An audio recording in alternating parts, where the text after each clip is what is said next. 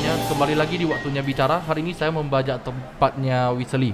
Ini adalah Waktunya Bicara episode 10 di mana kita hari ini narasumbernya adalah Pak Benny dari Pilastro Dan ada Wisely-nya sendiri sebagai biasanya penerima tamu di sini. Sebelum uh, membuka sesi ini saya memperkenalkan diri dulu. Nama saya Ivan Surya. Saya biasanya di Waktunya Bicara itu sebagai videographer. Sebelumnya saya ingin tanya dulu ke, kepada Pak Benny. Kira-kira uh, awalnya kepikiran untuk adanya ide waktunya bicara ini gimana sih? Sebenarnya ide ini muncul pertama kali itu dari ada sebuah IGTV yang dikelola oleh Weasley. Kemudian uh, saya sebagai narasumber. Hmm. Di situ setelah pembicaraan di IGTV itu kami berdiskusi lebih lanjut via private phone atau apa pun dan di sana saya mendapati bahwa pada dasarnya Weasley punya bakat. Artinya punya bakat sebagai pembicara, penerima tamu. Dia cukup bisa berbicara dengan baik di depan kamera. Kemudian saya berpikir, kenapa kita tidak melakukan sesuatu yang artinya kita bisa mengedukasi orang banyak, bisa berbicara banyak mengenai kota Medan hmm. yang pada saat itu memang lagi panas-panasnya dilanda Covid. Jadi bagaimana kita bisa memberikan informasi yang lebih baik yang memotivasi orang banyak. Nah kemudian disambut oleh Weasley, ya yang kemudian saya katakan bahwa yuk kita gandeng anak-anak muda yang mau berkontribusi. Di mana memang ini bukan sesuatu yang kita bisa menjanjikan profit atau apa pun, tetapi kita lihatlah arahkannya ke mana nantinya gitu. Mungkin Wisely coba tambahkan gimana kurang ya, lebih. Coba dari Wisely mungkin. Kalau dari saya sih ya benar sih. Mungkin tadi kan Pak Benny udah singgung sedikit kan kenapa dari IG IGTV IG Live tepatnya ya kan. Karena situasi masih pandemi kemarin. Ya. Lalu saya e, berinisiatif melihat, aduh ngapain nih pandemi kerjaan juga berkurang semua kan yeah.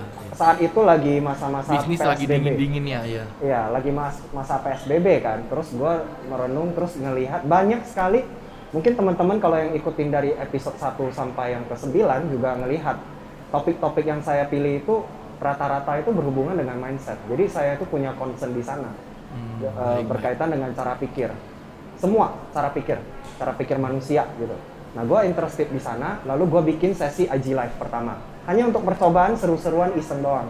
Hmm. Lalu di salah satu episode tadi udah disinggung ada Pak Benny sebagai tamunya. Nah dari situ setelah selesai ternyata dari pembicaraan itu respon Pak Benny bilang, eh kenapa nggak mau diseriusin dan segala macam. Nah di saat itulah aku baru mulai uh, cek, cek juga ke diri sendiri sebenarnya perlu nggak sih atau pas nggak sih uh, feedback feedback misalnya dari Pak Benny. Sebenarnya teman-teman lain juga banyak kasih feedback. Kenapa nggak mau diseriusin dan segala macam. Bahkan teman saya juga satu di Jakarta dia udah memulai ini dua tahun yang lalu kan gitu. Hmm, Lalu saya banyak sih pertimbangannya karena saya jujur saya bukan orang yang nyaman untuk di depan publik untuk berbicara banyak sih. Maksudnya biar sekalian sharing-sharing juga biar uh, masyarakat tahu mungkin apa yang bisa dilakukan selama pandemi terus bisa saling iya. tukar ya, pikiran juga ya. gitu ya. Jadi sebenarnya memang timbulnya itu kalau kita bilang segala semua konten creator itu kayaknya basisnya sama sih. Hmm. Berawal dari bagaimana kegelisahan dia sehari-hari melihat sekitarnya, yeah. awareness dia dulu gitu. Dari situ baru dia bisa membuat sesuatu jadi konten kan gitu. Benar, benar. Komedi benar. itu juga seperti itu kan. Nah, balik lagi ini baliknya itu kegelisahan saya adalah melihat cara pikir. Saya rasa itu satu visi dengan Pak Benny. Makanya kenapa Pak Benny ngajak saya mau nggak diseriusin. Walaupun aku udah tahu nih peminatnya dan progresnya bakal panjang banget makanya bersyukur juga kan ketemu kalian yang ya, ya. satu visi juga mau saling bantu kita yuklah coba bikin sesuatu buat kota Medan tanpa membuat banyak hal-hal yang tidak penting misalnya terlalu mengheboh-hebohkan sesuatu hmm. tapi ya kita tampil apa adanya aja ya. dengan semangat yang awal tadi yang kita singgung itu sih oh. jadi sebenarnya kok bisa sih kepikiran namanya itu nama podcastnya itu harus waktunya bicara gitu mungkin Wisely bisa jelasin sedikit uh, asal usul waktunya bicara itu sangat simpel sekali teman-teman. Nih aku kasih hmm. bocorannya deh. Jadi saya itu uh, fokusnya kan selalu di branding communication. Iya, di digital digital branding ya, itu. Ya. background saya di sana. Jadi saya selalu senang dengan permainan kata-kata. Hmm. Saya berusaha mencari idiom atau kata-kata yang berbahasa Indonesia yang bisa merepresent siniar ini. Siniar ini podcast ya maksudnya ya. Hmm, hmm, hmm. Jadi saya melihat itu gimana ya nama yang tepat masih familiar, tidak terlalu formal, tapi eh, bahasanya dekat dengan semua orang. Lalu dicarilah eh, nama-nama itu dipilih lumayan banyak sih sebenarnya listnya, tapi saya udah hapus semua sih dari yang waktunya ngobrol, saatnya ngobrol, tiba waktunya atau apa segala macam. Dari situ saya eh, memilah-milah, terus kan saya juga diskusi kan sama tim Hmm. beberapa pilihan nama sampai yang menjelang final itu gimana kalau wak- namanya waktunya bicara. Saya juga sempat eh, curhat juga ke beberapa teman-teman, terutama Kak Tika. Saya juga nanya pendapatnya, Kak Yulin juga saya nanya pendapatnya bagaimana, karena mereka lebih paham istilah bahasa Indonesia. Iya, gitu. Jadi benar, saya benar. mencoba berdiskusi juga, apakah secara kaidah bahasa Indonesia ini relevan nggak namanya? Atau misalnya ini terlalu maksa gitu kan? Karena saya nggak mau juga namanya terlalu maksa gitu. Iya, iya. Karena kan balik lagi esensi siniar ini ya simpel balik ke hal-hal yang sangat fundamental sekali. Gitu. Baik. Jadi kenapa namanya waktunya bicara ya memang ini adalah ruang belajar, ruang berbagi, sharing buat semua siapa pun. Kamu punya cara pikir yang seperti apa pun, kita tidak menilai benar atau salahnya. Tapi inilah waktunya kamu bisa bicara dan didengarkan oleh teman-teman lain dengan kepala dingin istilahnya. Biar teman-teman yang lain bisa belajar juga mungkin dari Iya, pengalamannya menurut gitu. saya sih itu sih. Baik, baik. Jadi kalau untuk Pak Benny sendiri, bagaimana awalnya Pilastro itu mikir eh, mungkin saya memang harus terlibat di sini di proyek waktunya bicara ini. Oke, saya kalau untuk menjawab ini, saya bisa luruskan satu hal. Hmm, Project ini sebenarnya bukan project eksklusif Pilastro. ya. Project ini adalah project di mana saya secara pribadi mendukung project ini. Ya. Nah, berhubung saya mengelola Pilastro dan memang basisnya Pilastro adalah dari dulu kami sangat suka mensupport yang namanya kreativitas. Ya, konten kreator gitu ya. Ya bukan hanya konten creator, tapi apa pun yang berhubungan sesuatu yang memunculkan suatu kreativitas yang baru, sebuah ide yang baru, sesuatu yang membawa manfaat baik bagi orang banyak. Eh, Pilastro biasanya mau mendukung, terutama untuk anak-anak muda. Baik, baik. Jadi memang kita ada bantu beberapa, jadi kebetulan ya kita perlu tempat kan. Kita perlu tempat untuk kumpul, kita perlu tempat untuk wawancara, kita perlu tempat untuk mewujudkan langkah-langkah selanjutnya. Jadi kebetulan Pilastro ada tempatnya dan pada saat itu juga ya zaman-zaman Covid kita kan tidak mungkin ke sembarang tempat gitu. Benar, benar. Nah, jadi diputuskanlah untuk Pilastro membackup atau mendukung secara prasarana dan eh, memfasilitasi agar bisa dipakai untuk tempat Ya. wawancara narasumber. Tetapi apakah suatu hari bisa di tempat lain? Bisa sekali. Tidak Bisa menutup se- kemungkinan ya. Ya, bisa sekali. Malah memang kalau ada pihak-pihak yang sangat mendukung eh, kreativitas ini mau, yuk sesekali di tempat saya yuk atau apa pun, silakan hubungi tim seperti Wisly agar bisa dinilai, bisa di-advise. Kemudian nanti ya mungkin mereka akan ajukan dia punya tata cara. Begitu memang kalau tempatnya cocok, baik. Kenapa tidak? Gitu. Tidak Kenapa menutup tidak? kemungkinan untuk bekerja sama gitu. Ya, ya. Ya. Ya, ya jadi eh, memang Pilastro sampai saat ini adalah pendukung, tetapi bukan exclusively eh, harus Di Pilastro, Pilastro, gitu. iya. Tapi memang Pilastro boleh dibilang adalah secara company mendukung gerakan ini, dan kami sangat, saya mewakili Pilastro sangat happy dan bangga untuk acara ini gitu. Mm-mm. Kalau untuk Wisely nih, mau nanya, Oke oke. kira-kira untuk timnya sendiri di dalam waktunya bicara ini kira-kira siapa aja sih yang ambil andil gitu? Nah, ini banyak Jelasin nih. sedikit lah. Wah nggak usah jelasin sedikit, harus panjang karena semua tim kreditnya ini saya harus ucapin terima kasih banget pertama. Karena Banyak- panjang saya pulang dulu ya. Jangan Pak, kayak Pak yang paling, aduh, yang paling utama bintang tamunya minta cepat pulang ya. Oke, jadi sebenarnya tim ini sangat gini ya. Kalau saya dari pertama itu selalu percaya pada kekuatan tim bukan pada kekuatan individu.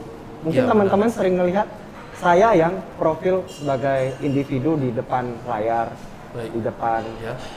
siniar ini saat rekaman. Ya karena memang saya hanya bagian kecil dari sebuah tim yang besar sebenarnya teman-teman. Tim ini nggak simple, terlihatnya sederhana, tapi tidak tidak begitu. Karena di sini ada tim desain, dibantu oleh Vincent dan Ricarvin dari tim Dexterity Studio. Terus juga ada Ivan sendiri sebagai director, ada Nicholas, ada si Hernando yang sebagai orang video, bahkan ada kita tim editor juga.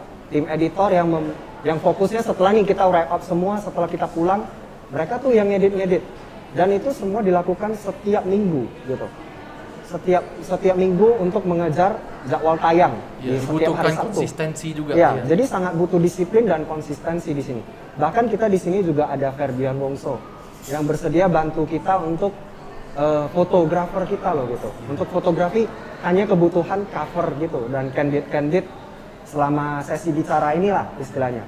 Jadi memang semua ini adalah sebuah paket komplit. Kenapa harus seperti itu? Karena memang kita ingin menunjukkan ke orang yang mungkin juga sedang viral-viralnya dibicarakan di nasional ya Ya. konten itu memang nggak boleh tanggung-tanggung. Kita harus kalau mau bikin sesuatu itu harus e, menunjukkan yang terbaik. Di samping kita membawa misi kita apa nih. Misalnya di waktunya bicara ini berhubungan berbicara dengan mindset. Maka di sini kita juga meng-backup kita dengan e, hal-hal yang kita perlukan gitu supaya kredibilitas kita juga terbentuk dengan seiring Iya. berjalannya waktu. sih. Lebih diperhitungkan gitu. Yap. Kira-kira kalau dari timnya Wisely sendiri nentuin narasumbernya itu gimana sih? Contohnya eh, mungkin tamu kita hari ini si A atau si B gitu. Gimana cara nentuin narasumbernya gitu? Ini menurut saya agak eh, tricky pertanyaannya ya, menarik Hmm. juga ya. Mungkin episode 11 seterusnya Ivan aja deh jadi penanyanya saya, jangan saya lagi nih.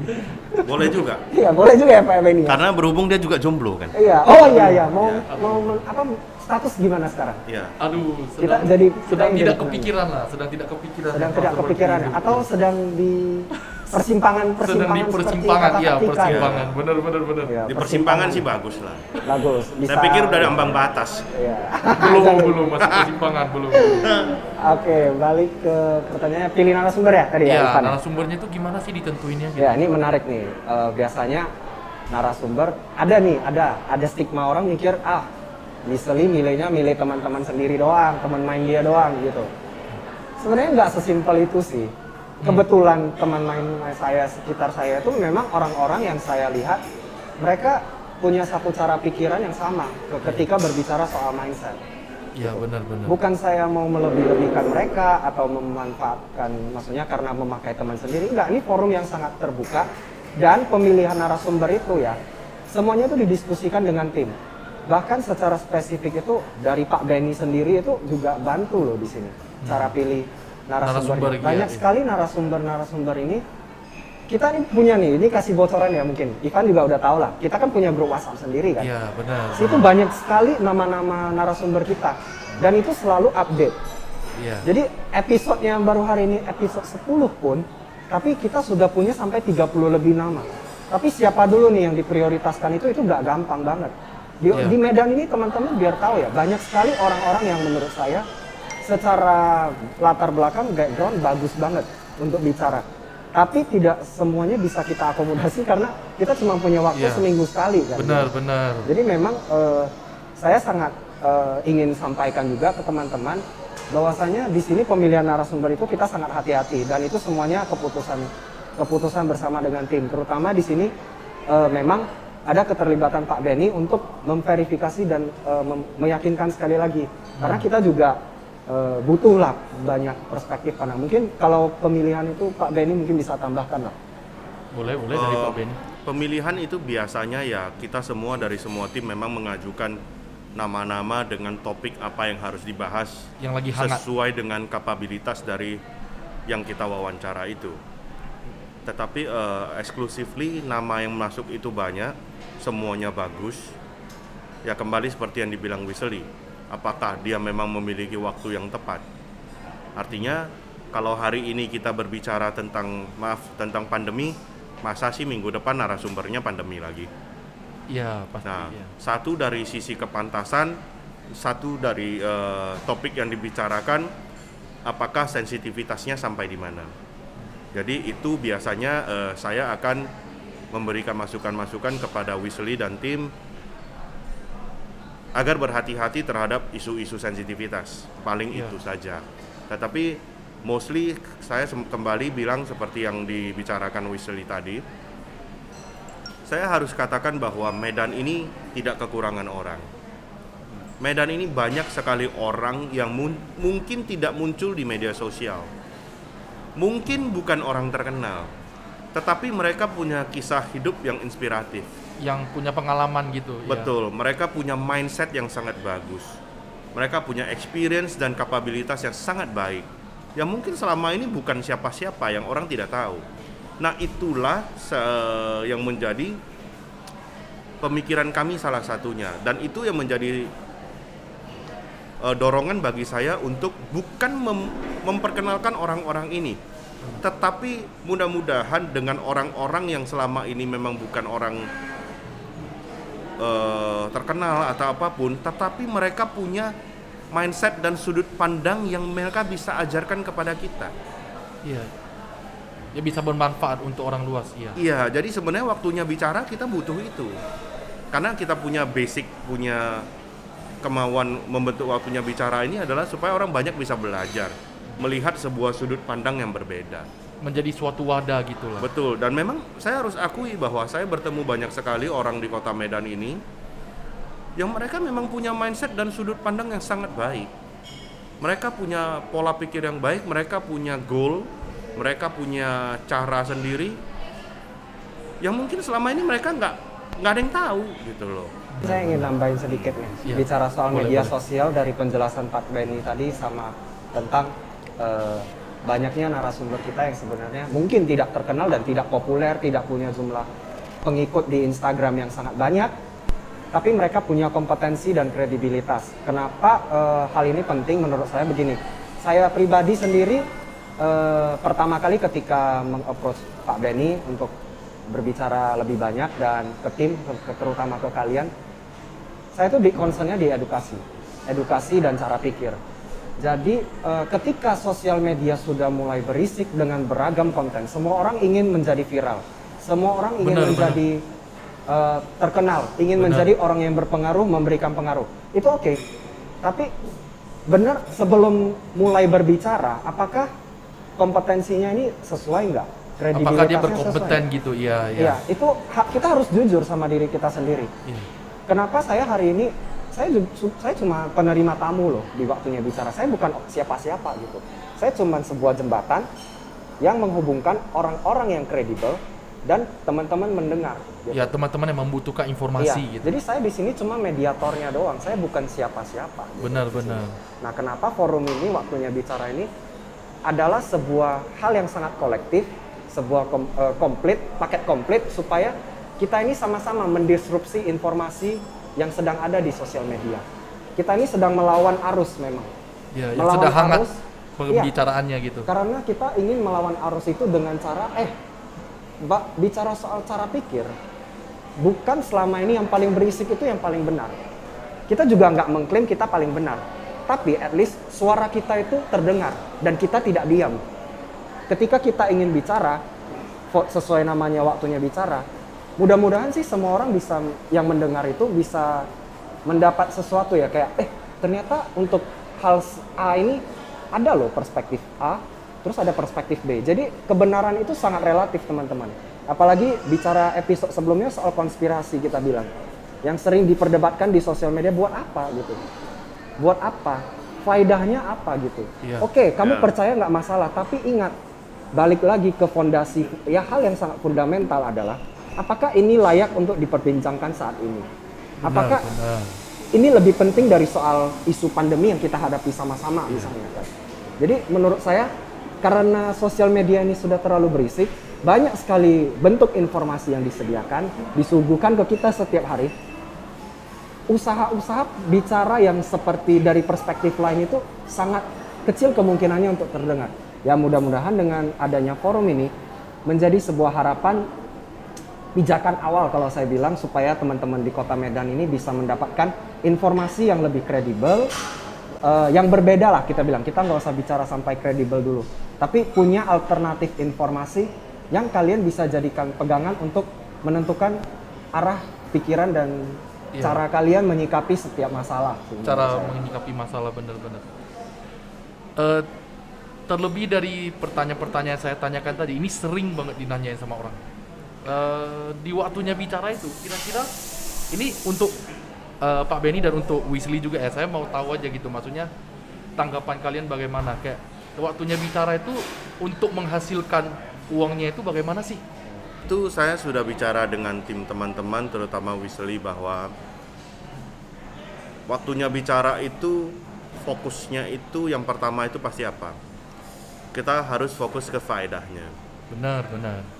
Dalam arti kata eh, sama seperti kalau menyambungnya Weasley tadi bilang bahwa eh, bagaimana orang bicara apa yang kita angkat isu. Sebenarnya gampangnya begini. Saya harus katakan kepada semua pemirsa netizen yang budiman, jangan lihat kami. Baik Weasley, baik Benny, baik eh, Ivan dan yang lain-lain, kami ini bukan siapa-siapa. Yang Benar, pasti benar. Di waktunya bicara ini bila Anda menilai kemampuan kami, Anda salah. Karena kenapa? Karena kami memang bukan orang yang penuh kemampuan, itu dulu. Benar. Ya sebelum saya bicara ke masalah uang. Jadi yang harus didapat dari pemirsa dari waktunya bicara ini adalah faedahnya. Faedah dari waktunya bicara ini apa? Iya. Benar, benar. Jadi artinya begini. Kalau hari ini Ivan bicara untuk pertama kalinya kenapa diizinkan? Iya. Karena memang yang kita ambil itu bukan kemampuan dia bicara. Tapi faedah dari pembicaraan kita hari ini. Kadang-kadang kalau Pak Weasley dengan progresnya itu apakah sudah sempurna? Editing kita sempurna, apa pun itu sempurna. Sampai hari ini saya pribadi tidak pernah menuntut apa pun dan saya jarang mengkritik. Benar, benar. Karena kenapa? Dari setiap video yang saya tonton itu, yang saya fokuskan itu bukan memang tim ini. Yang saya fokuskan adalah faedah yang diberikan tim ini suatu menghadirkan narasumber. Informasi yang diberikan kepada masyarakat. Contoh, bila kita mem- seperti eh, cerita kemarin eh, ada dokter Viona, saya nggak melihat apa pun. Saya hanya melihat bahwa apa hasil yang diberikan pembicaraan dengan dokter Viona itu, mendidik masyarakat bahwa COVID bukan main-main. Itu yang terpenting. Benar, benar. Tetapi kalau umpamanya menilai wis kemampuan Weasley, kemampuan saya, kemampuan Ivan, ya salah.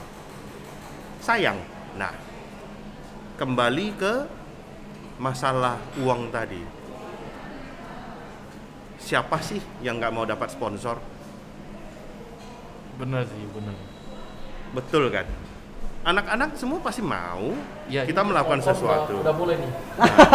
Ya, ini sebuah pesan terbuka, pesan umum. Marilah kita bekerja sama dan berkolaborasi. Jadi bila memang ada teman-teman yang eh, merasa bahwa waktunya bicara ini berfaedah, ayo silakan hubungi tim Weasley dan teman-teman untuk berbicara lebih lanjut bagaimana untuk membantu waktunya bicara ini. Everybody is welcome to help. Jadi kalau masalah uang itu saya akan kembalikan begini. Untuk diketahui pemirsa dan yang lainnya, sampai saat ini semuanya ini bekerjanya ini masing-masing porsi masing-masing. Kita keluar keringat, kita keluar capek. Kalau ada yang keluar dana itu semua masing-masing. Tapi karena untuk mendapatkan faedah yang terbaik dari waktunya bicara. Yang menjadi masalah adalah bila berhenti. Iya. Jadi Iya. saya percaya kalau masalah sponsorship, mungkin di sini saya akan bilang atau orang-orang yang mau beriklan di tempat ini dengan kami atau apa, kami bisa menjembatani. Tetapi saya mengundang semua pihak untuk bisa menjembatani baik iklan atau apa pun, tetapi ingatlah bahwa Anda beriklan di sini atau Anda memberikan sponsor di sini adalah dengan dasar bahwa memang waktu bicaranya berfaedah untuk menyambung eksistensi kami lebih lanjut. Benar. Itu aja. Saya mau nanya nih. Kira-kira untuk Pak Benny dan untuk Wesley-nya. Oke, Emang ada orang lain? Ya, memang kami Iya, berdua doang. Maksudnya untuk, untuk Anda berdua lah gitu. siap siap. Kira-kira harapan kalian ke depannya itu waktunya bicara bakal gimana sih? Pandangan kalian ke depannya, harapannya gitu untuk waktunya bicara. Harapan atau pandangan? Harapan, harapan deh, harapan. Harapan saya banyak, pandangan saya ke depan. Pandangan saya juga lagi ke depan, ke depan kamera. ke depan. harapan kalian melihat waktunya bicara ini ke depannya gimana? Kalau bicara harapan waktunya bicara ya, apa ya? Harapannya sih kalau sekarang sih yang penting teman-teman tim tidak patah semangat walaupun tidak menghasilkan keuntungan misalnya. Karena kan capek kan kita kan. Jujur loh kalau ditanya soal bikin-bikin beginian, beli-beli barang pasang sendiri lah, pagi-pagi harus datang ketika kafe belum buka supaya nggak terlalu ini kan eh, berisik juga. Kami nggak patah kita. semangat. Iya. Yang penting bermanfaat untuk viewers. Terima kasih di depan kamera Terima kamu kasih. Itu yang saya Terima kasih. tunggu-tunggu jawabannya. Bagi para sponsorship ingat Nah, ingat. rekening ke saya aja mereka nggak butuh. Cukup kontennya ke tim, rekeningnya Aduh. punya Pak Benny gitu. Aduh, satu namanya ya, nomor rekeningnya beda. Iya, beda. Jadi kalau harapan saya sih, ya saya sih berharap kalau misalnya secara tenaga sih kita kan capek semua Benar. dari video, dari ngedit, misalnya segala macam. Dari Ada tekanan masing-masing lah gitu. Ya tekanan itu tapi kita kan selalu ingat di misi kita kan. Iya. Balik lagi ke hal fundamental. Tapi untuk membuat kita jauh jauh lebih endurance kalau istilahnya, lebih jangka panjang, kita nggak bisa munafik bicara soal hal uang gitu. Beruntungnya, beruntungnya kerjaan kita masih bagus. Iya. Jadi ini bisa Tidak terlalu terpengaruh COVID. Iya, tidak terlalu terpengaruh beruntungnya untuk beberapa bulan ini ya, dua bulan terakhir ini kita bilang. Jadi eh, ya ya udah gitu, memang eh, kalau saya lihat sih, kalau misalnya sesi waktunya bicara ini ada sponsor atau segala macam nantinya, nggak masalah sih, selama eh, bisa kompensat ke teman-teman yang sudah bekerja selama ini dari fotografer, videografer, saya rasa memberikan uang sekedar uang saku itu juga hal yang wajar. Iya. Sebuah itu- apresiasi itu. Iya, atas kerja kerasnya kita nggak tahu kan harus ditimpali apa apakah ya sekarang ini memang dari Pilastro juga kita terima kasih lah. Ada kasih fasilitas seperti fasilitas tempat dan kopi misalnya. Tidak Benar. eh, disponsori kan? Setiap Benar. kali kita ngopi. Kalau bisa saya mau kopi tujuh hari di sini terus kan gitu. Nah, tapi kan nggak mungkin kan gitu kan? Iya, benar. jadi kan untuk sehari-hari itu kan tetap butuh yang namanya uang dan segala macam. Kita nggak menutup kemungkinan itu eh, maksudnya harapannya untuk didanai.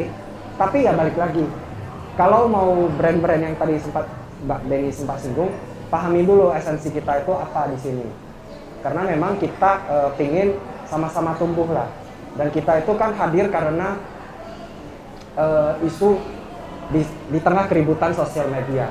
Kita hadir menjadi yang paling berbeda, paling anomali karena kita punya tekad yang ya sesimpel itu sih karena memang concern dengan cara pikir banyak orang yang mulai bias dan kurang mendapatkan perhatian ketika sosial media ini disuguhkan banyak sekali informasi. Benar. Mungkin dari Pak Benny aja deh. Boleh. Coba Eh, penasaran. tadi harapan dan pandangan saya ke depannya. Iya. Benar. Saya jawab pandangan dulu. deh. Boleh. Pandangan saya waktunya bicara ini pasti bagus. Karena memang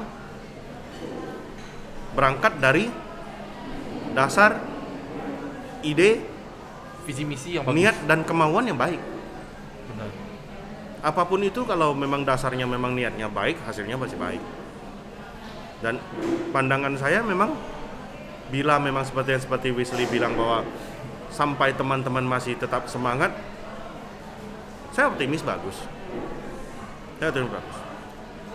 Dan harapan saya bagaimana waktunya bicara ini satu supaya setiap saat semak setiap minggu bisa menyuguhkan narasumber yang memberikan sudut pandang yang jauh lebih baik Benar. dalam segala hal. Jadi artinya supaya mungkin juga pemirsa bisa tahu, waktunya bicara itu berbicara segala hal.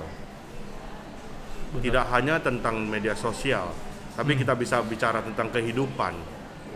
Mungkin satu ha- hari bisa berbicara tentang keluarga, Pengalaman bisa hidup. satu hari bisa tentang politik, Iya, bisa benar. tentang kesehatan, bisa tentang isu-isu apa pun, sampai perselingkuhan kalau perlu. Tetapi dengan niat dan eh, hasil yang baik, memberikan sudut pandang yang baik. Itu satu. Kedua, harapan saya memang bila di luar sana ada teman-teman yang bisa mensupport dari waktunya bicara ini, saya nggak bicara dana lah.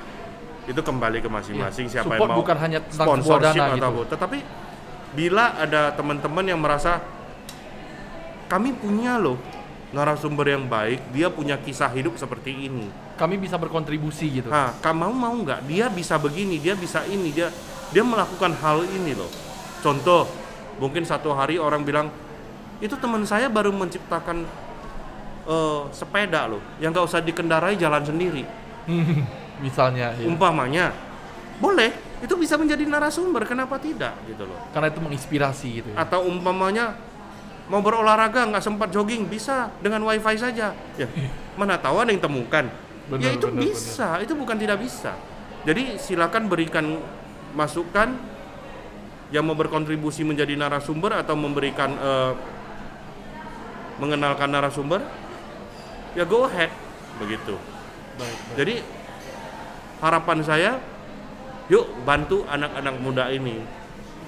Karena saya juga sebenarnya hanya melakukan itu. Baik.